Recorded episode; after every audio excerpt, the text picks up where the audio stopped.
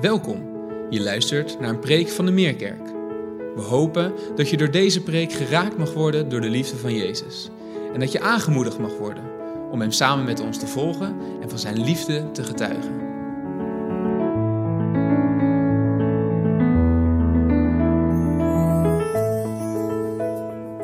Goedemorgen allemaal. Fijn om bij jullie te zijn weer. En uh, van harte gefeliciteerd met de aanstelling van een driemanschap. Voorgangers Patrick, Remy en Wigle. In de tijd van veel veranderingen is het ook maar goed dat sommige dingen heel vertrouwd zijn. Ik kom hier al een kwart eeuw.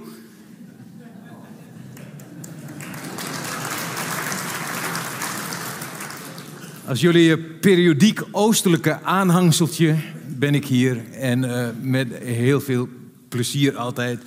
En uh, ik, moet, ik zie er altijd uit om, om jullie weer te zien en met je te spreken. Um, en vandaag helemaal, want het is een mooie zondag. De zondag na Pasen. En in de traditie wordt dat wel genoemd de zondag na die ene. En in de orthodoxe traditie is dit de Thomaszondag. En het is de zondag waarin we um, een hele mooie gelegenheid hebben om de zaligspreking van de opstanding met elkaar te delen. En weten jullie wat de zaligspreking van de opstanding is?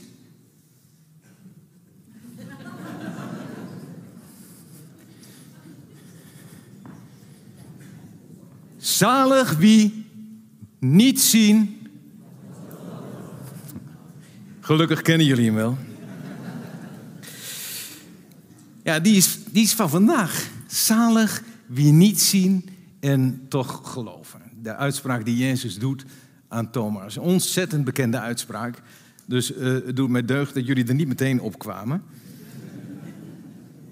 Ik uh, wil beginnen, voordat ik het gedeelte lees van Thomas, met een, een ander prachtig stuk over niet zien. En dat is eh, in Hebreeën 11. En dan lees ik vanaf vers 24. Ik lees hem uit de NBV 21 en je kunt meelezen op het scherm. Door zijn geloof weigerde Mozes toen hij volwassen werd aangesproken te worden als zoon van een dochter van de farao. Liever werd hij even slecht behandeld als het volk van God, dan dat hij vluchtig voordeel had bij de zonde. Omdat hij uitzag naar de beloning waardeerde hij de smaad van Christus hoger dan de schatten van Egypte. En door zijn geloof verliet hij Egypte zonder angst voor de woede van de koning. Hij volhardde als zag hij de onzienlijke. Ach, die is zo mooi. Als zag hij de onzienlijke.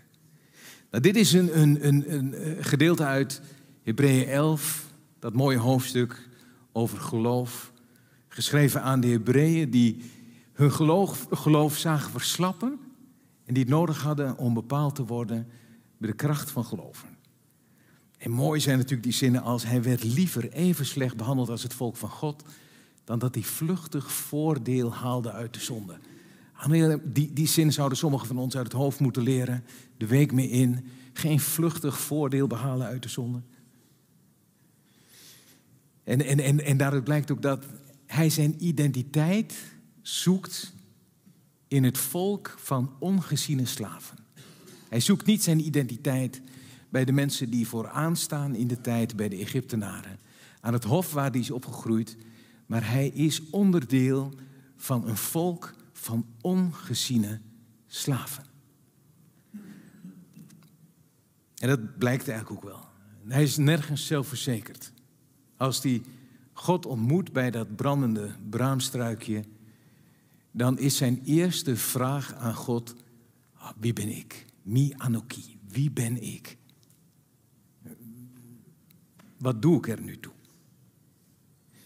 En dan staat er: De kracht van Mozes zit in zijn geloof. Want hij leefde, hij volhardde als zag hij de onzienlijke. Als zag hij hem. Hij zag hem dus niet. bij de eerste ontmoeting tussen God en Mozes, dan slaat Mozes zelf zijn handen voor zijn gezicht. En even verderop, als er een ontmoeting lijkt en God gaat voorbij, dan houdt God zijn hand voor het gelaat van Mozes tot God zelf voorbij is, ziende de onzienlijke. En hoe moeilijk is het om de onzienlijke te volgen? Nou, dat blijkt wel even na dat braamstruikje, als Mozes iets te lang de berg op is en het volk meteen probeert om God zichtbaar te maken. Ze kunnen zo lang niet wachten en ze maken een gouden kalf om meer houvast te hebben. Want op de een of andere manier denken wij dat we meer houvast hebben aan de dingen die we zien, wat we voor ogen hebben. En hier in dit gedeelte van Hebreeën, daar staat, als zag hij de onzienlijke. En eh, in het Hebreeuws is dat gewoon het woord aoraton. Het is nog mooier vertaald eigenlijk met de uh, onzienlijke, omdat het nog iets geeft van, oh God kun je niet zien omdat hij zo heilig is. Maar daar staat, God is gewoon de onzichtbare. Het staat vaker in de Bijbel. God is, uh, Colossense 1, vers 15. Um, ehm, het is een omschrijving van God zelf, de onzichtbare. En je vraagt je af, waarom verkiest God ervoor, waarom verkiest God om de onzichtbare te zijn? Zou Hij het ons makkelijker kunnen maken als Hij in beeld kwam? Nou, zo komen we bij Thomas. Thomas is een stuk assertiever natuurlijk dan dat Mozes is. Zijn uitspraak, ik zal alleen gaan geloven als ik voel en als ik zie, past precies bij onze generatie. Is een exponent van onze tijd. En uh, nou laten we zijn geschiedenis ook maar eens lezen met Jezus. Dat is uh, Johannes 20, vers 24.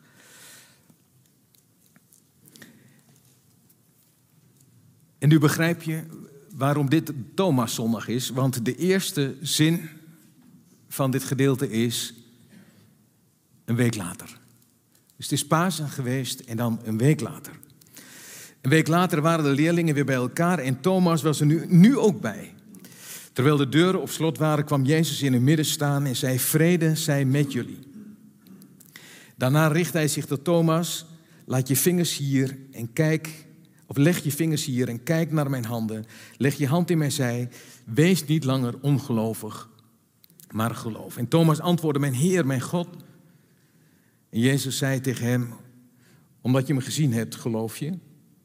Gelukkig zijn zij die niet zien en toch geloven.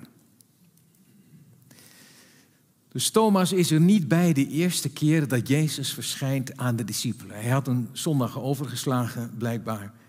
En dat is net de zondag waarop hij de ontmoeting met Jezus mist. Dat heb je allemaal wel eens, hè? Dat je net een zondag er niet bent, de rest is er wel en dan gebeurt het. En, en, en, en zij worden gevoed in hun geloof en jij blijft een klein tikkeltje achter. Maar dat betekent ook dat hij een week langer ongelovig blijft dan de rest. Dus ik weet niet hoe die verhouding die week geweest is tussen Thomas en de andere discipelen. Hoe de onderlinge sfeer geweest moet zijn. Maar wat Thomas feitelijk een week lang tegen zijn medediscipelen zegt is... of jullie liegen, of jullie lijden aan waandenkbeelden. Want zij zeggen, we hebben de Heer gezien. En hij zegt, kan het niet geloven. En dan, een week later, dus deze zondag. En Jezus, die ontmoet Thomas en maakt hem opvallend genoeg geen verwijt. Sterker nog, hij doet hem een uitnodiging. Leg hier je handen, zie, kijk. En, en Jezus toont hem precies wat Thomas zelf als criterium nodig had om te gaan geloven. Dus datgene wat Thomas stelt als eis, dan ga ik geloven, dat schenkt Jezus hem ook. Dat vind ik zo ontzettend liefdevol. Dat zie je natuurlijk vaker bij Jezus. Dat mensen onredelijk zijn, maar hij lijkt in die onredelijkheid mee te gaan. En dat mondt natuurlijk bij Thomas ontzettend uit in ja, die assertiviteit valt weg. En hij kan alleen maar stamelen, mijn Heer, mijn God. Jezus komt dus eerst zijn woorden liefdevol tegemoet om vervolgens tegen hem te, zeggen, hem te richten op ongezien geloven. Zalig Thomas wie niet zien en toch geloven. En dat is mooi, want hier maakt Jezus duidelijk dat er waarde zit in het onzichtbare. Er is een waarde in iets niet zien. Zien is niet de hoogste vorm van intimiteit. In de bergreden, waar jullie dit jaar mee bezig zijn, refereert Jezus drie keer aan het verborgene. In het centrum van die toespraak zegt hij: Als je bidt, als je vast, als je geeft, doe dat in het verborgene. En in, Matthäus 6 over bidden staat er zelfs dit.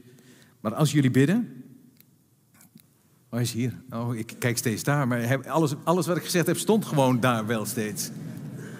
Oké. Dat is toch geruststellend. Goed. Maar als jullie bidden, ga dan in je binnenkamer, sluit de deur en bid tot je vader die in het verborgene is. En jullie vader die in het verborgene ziet, zal je voor belonen. Ga naar je binnenkamer. Dat is het Binnenkamer is uh, woordje tameion in het, in het Grieks. En het komt eigenlijk verder nergens voor, in, in de hele Bijbel niet. Maar het is de, de voorraadkamer. Mensen in, in die tijd hadden natuurlijk geen koelkast, dus midden in het huis was een voorraadkamer waar het iets koeler bleef dan aan de kanten van de muren. Ingebouwd hokje, klein, waar je de spullen neerzette. En Jezus zegt, als je gaat bidden, ga dan daar. Ga dan daar. Op de plek die onaanzienlijk is ingebouwd. Het gaat minder om die plek natuurlijk dan om het feit dat Jezus zegt: als je God in het diepst van je wezen wilt ontmoeten, zorg dan dat er een plek is waar God alleen is met jou. In de bergreden spreekt Jezus over geven, bidden, vasten. En van alle drie zegt hij: doe het in het verborgene. Cryptos, verborgen in het geheim, onzichtbaar voor anderen. En, en wat ik daar zo interessant aan vind, is het woord verborgen hebben wij helemaal niet zo'n hele goede uh, uh, smaak bij. Wij denken dingen die in het verborgene gebeuren, dat zijn de dingen die we uit zicht willen houden.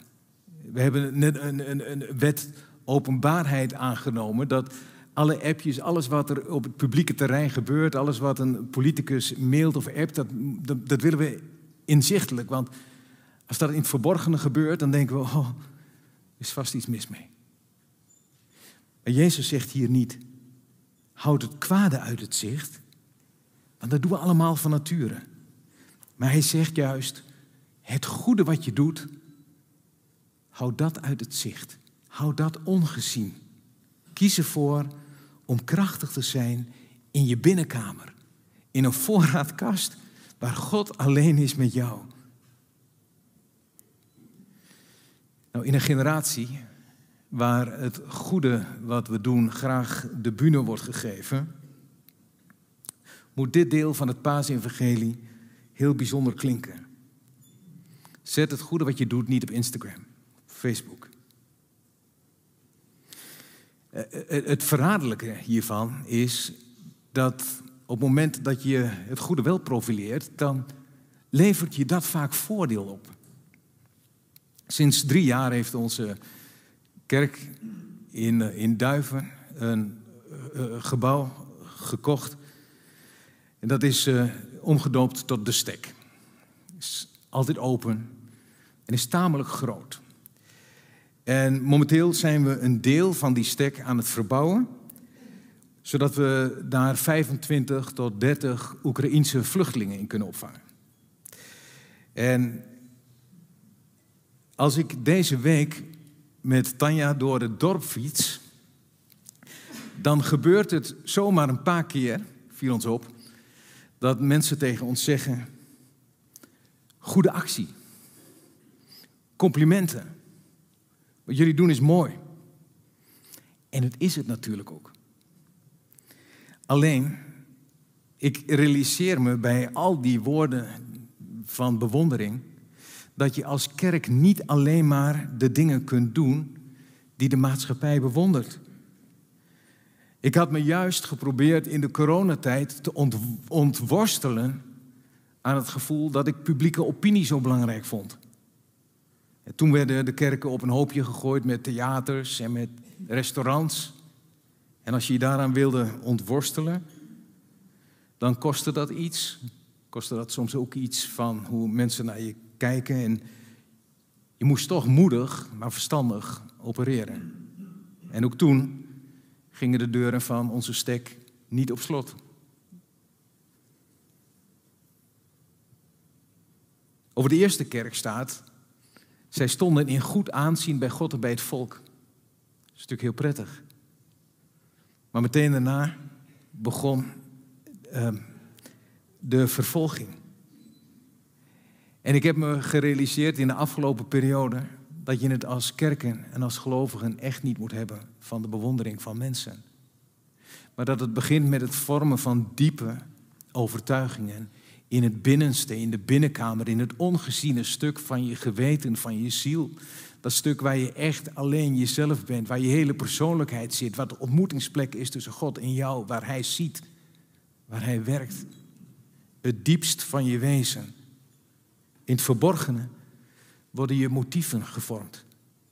En die zijn tussen jou en God in het ongeziene. Jezus zegt hier in die bergreden, jullie vader die in het verborgene is, jullie vader die in het verborgene ziet, hij is daar. Dus juist in het verborgene, in het ongeziene, in het onzichtbare is God te kennen. Ik vind het mooi, want hier staat natuurlijk, als je bidt, dan ziet God je. Je zou verwachten dat Jezus hier zou zeggen, de God die in het verborgene hoort, toch? Dat had ik logisch gevonden. Als je bidt in het verborgene, God hoort in het verborgene. Dat was een logische. Maar er staat God ziet waar niemand ons ziet, alleen Hij, onzichtbaar voor anderen. Daar vindt het werkelijke stuk van ons geloof plaats. Nou, wat staat er in dat gedeelte van Thomas? Daar staat Jezus kwam in hun midden. Ze hadden de deuren afgesloten van de ruimte. Ze hadden zich daarmee ook buitengesloten, de, de, de wereld buitengesloten, zichzelf ook opgesloten eigenlijk. Hè? En Jezus komt in hun midden. In de afgesloten plek van hun leven komt hij binnen. En dan zit er die integreer, of intrigerende zin in dat Jezus over hem blaast als een teken dat de Heilige Geest over hen komt en dat ze een nieuw leven krijgen. Doe een beetje denken aan, Genesis 2, vers 7, waar God voor het eerst de levensadem in mensen blaast. En vanaf dat moment ademt Jezus zijn opstandingsleven in ons eindige bestaan. En er gebeurt iets in het innerlijk.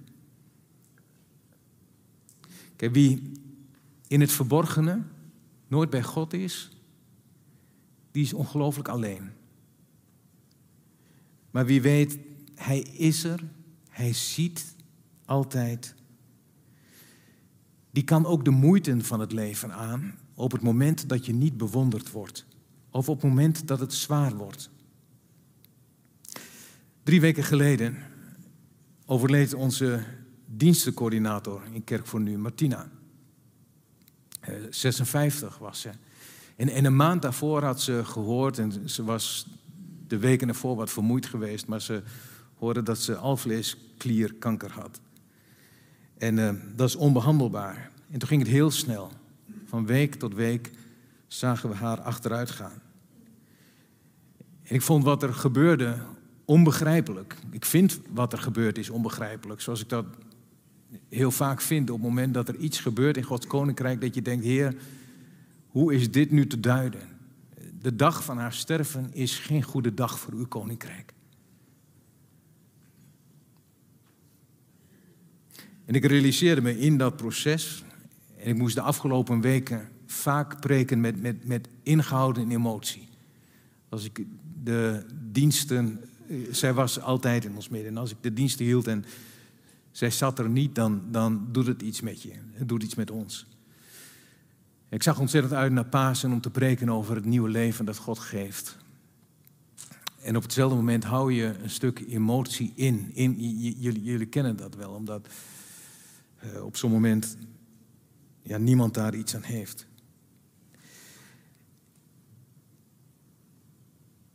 En ik heb nog steeds geen antwoorden, om eerlijk te zijn. Het, het onzichtbare is heel vaak voor mij het onbegrijpelijke. Het, is niet dat ik dingen kan duiden en kan snappen. En je probeert dat vaak. Je probeert er een wending aan te geven dat het toch nog een soort van positief happy end wordt. Maar naarmate ik minder van God begrijp, realiseer ik me dat ik gewoon meer op Hem moet vertrouwen. Dat is het enige wat kan. Op het moment dat je God minder begrijpt, op het moment dat je Hem minder ziet in dingen, dan moet alleen je vertrouwen maar toenemen. En als je je hele leven getraind bent in het doen van de dingen in Gods aanwezigheid, in het bijzijn van anderen en als je alleen bent, dan merk ik wel dat het onbegrijpelijke je minder zwaar valt. Als je tijd met God doorbrengt in het verborgene, dan heb je voor de moeilijke momenten van je leven getraind. Nou zijn hier vanmorgen heel wat mensen, dat weet ik zeker. Als jullie maar enigszins lijken op de gemeente in, eh, in Duiven. Die, als ik zou vragen hoe het met je geloofsleven is, die zouden zeggen van nou, bidden en Bijbel lezen, dat vind ik nog lastig. En dat zijn nou juist de twee dingen in het verborgene. En er zijn hier ook heel wat mensen die in hun leven nooit echt bewust de woorden hebben uitgesproken: Mijn Heer, mijn God. In de week na Pasen mag ik jullie herinneren aan het feit dat Jezus daar niet hard overheen dendert, maar dat hij meekomt in waar je zit. In de liefde aan je vraagt, wat heb je nodig om die woorden uit te spreken? Om je vervolgens te brengen in de diepte van een relatie met Hem die plaatsvindt in je ziel. In het ongeziene, in het verborgene stuk waar zoveel waarde ligt. Het is een week later en dit zou wel eens een goed moment kunnen zijn om tegen Jezus te zeggen: Heer, ik geloof. U bent Heer. En ik wil met u leven. Niet in de restjes van mijn tijd. Niet als ik. Ik wil mijn gebeden niet reserveren voor het moment dat ik achter stuur zit. Maar ik wil die binnenkamer opnieuw bezoeken. Om u, mijn geweten, mijn ziel, mijn binnenste te laten doorforsen, doorwerken en vullen. Ik vond Adrienne's verhaal net mooi. Ik vond eigenlijk dat ze ongelooflijk in staat was om in een hele korte tijd zeg maar, de, de, de, de essentie weer te geven van waar we als gelovigen waarschijnlijk allemaal tegenaan lopen. God de ruimte geven, niet steeds dingen in controle willen houden. Ehm, hem je te laten verlossen in de eerste plaats van jezelf vond het echt heel mooi. En ik dacht, als ik op zo'n bankje zou zitten en ik moest gewoon vertellen, kwam ik nooit tot zulke mooie woorden. Ik, ik heb er een iPadje bij nodig, anders dan stotter en stamel ik maar wat raak. Ehm, maar ik vond het heel mooi dat zij zocht naar haar identiteit in Christus. En gelovigen zoeken heel vaak hun identiteit in de bewondering van de wereld. We hebben het heel vaak nodig om bevestigd te worden door externe dingen in studies, in ons werk. Maar Mozes begon met wie ben ik? Mi. Zegt u maar wie ik ben. En dat is een goede plek om te beginnen. Doet u maar met mij wat u wilt. Nou, ga deze week in het bewustzijn dat Hij er is. Zoek je waarde, je persoonlijke waarde in de aanwezigheid van je Heer en niet extern. Je mag terugkeren naar het goede, het goede doen om, om God te eren. liever dan het goede doen omwille van het applaus van de mensen om ons heen. Dat God ons ziet, dat mag ons toch genoeg zijn. En de Bijbel zegt, niemand kan God zien. Maar blijkbaar is dat ook niet nodig om toch van Hem te houden. Want God maakt steeds ons innerlijk in Zijn genade vrij om dicht bij Hem te zijn. De onzichtbare. En in het diepst van ons wezen, in het verborgene, weten we. Het is mogelijk om ontzettend veel van Hem te houden. En ik gun jullie deze week veel van die liefde van onze Heer. En ik gun je veel oprechte momenten dat de echtheid van dat geloof zich weer vastzet in ons wezen. En dat de kerk van Jezus Christus mag bestaan uit mensen die krachtig zijn, omdat hun identiteit gevormd wordt door een onzichtbare Heer in het verborgene. Mag ik met jullie bidden?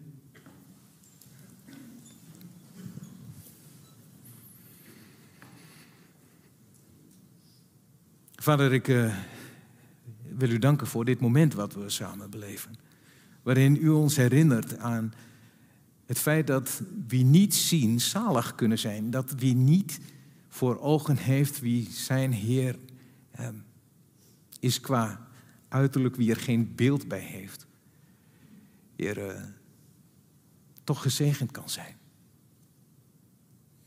En ik dank u, Heer, dat u ons eraan herinnert dat er zoveel andere manieren zijn dan onze ogen om u te kennen.